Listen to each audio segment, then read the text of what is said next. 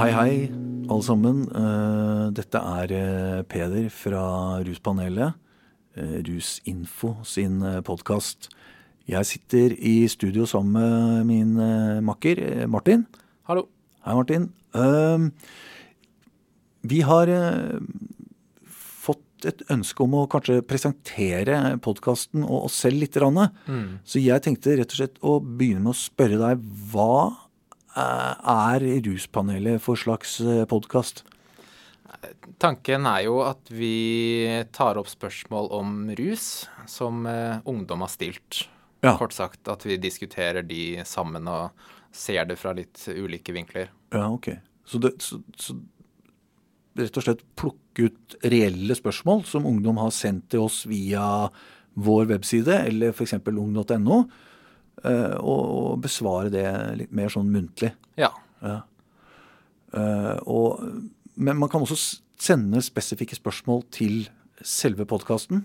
Ja, på hjemmesida vår, eh, rusinfo.no.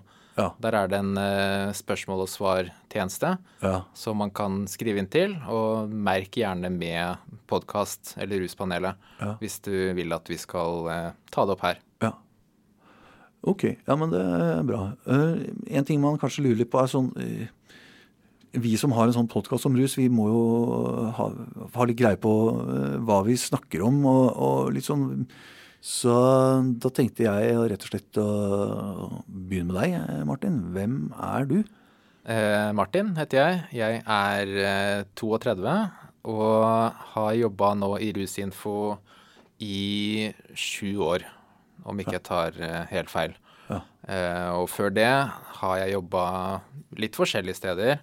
Kanskje først og fremst i omsorgsbolig, eh, hvor det også har vært Altså rus har vært en del av, av bildet. Ja.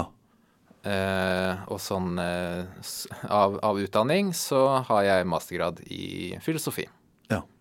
Ja. Det er jo en sånn veldig generell utdanning, egentlig, da, som man kan bruke til mye alt og ingenting, kanskje. kan Ja, alt og ingenting. Det var veldig gøy å studere og veldig vanskelig å søke jobb med. Ja.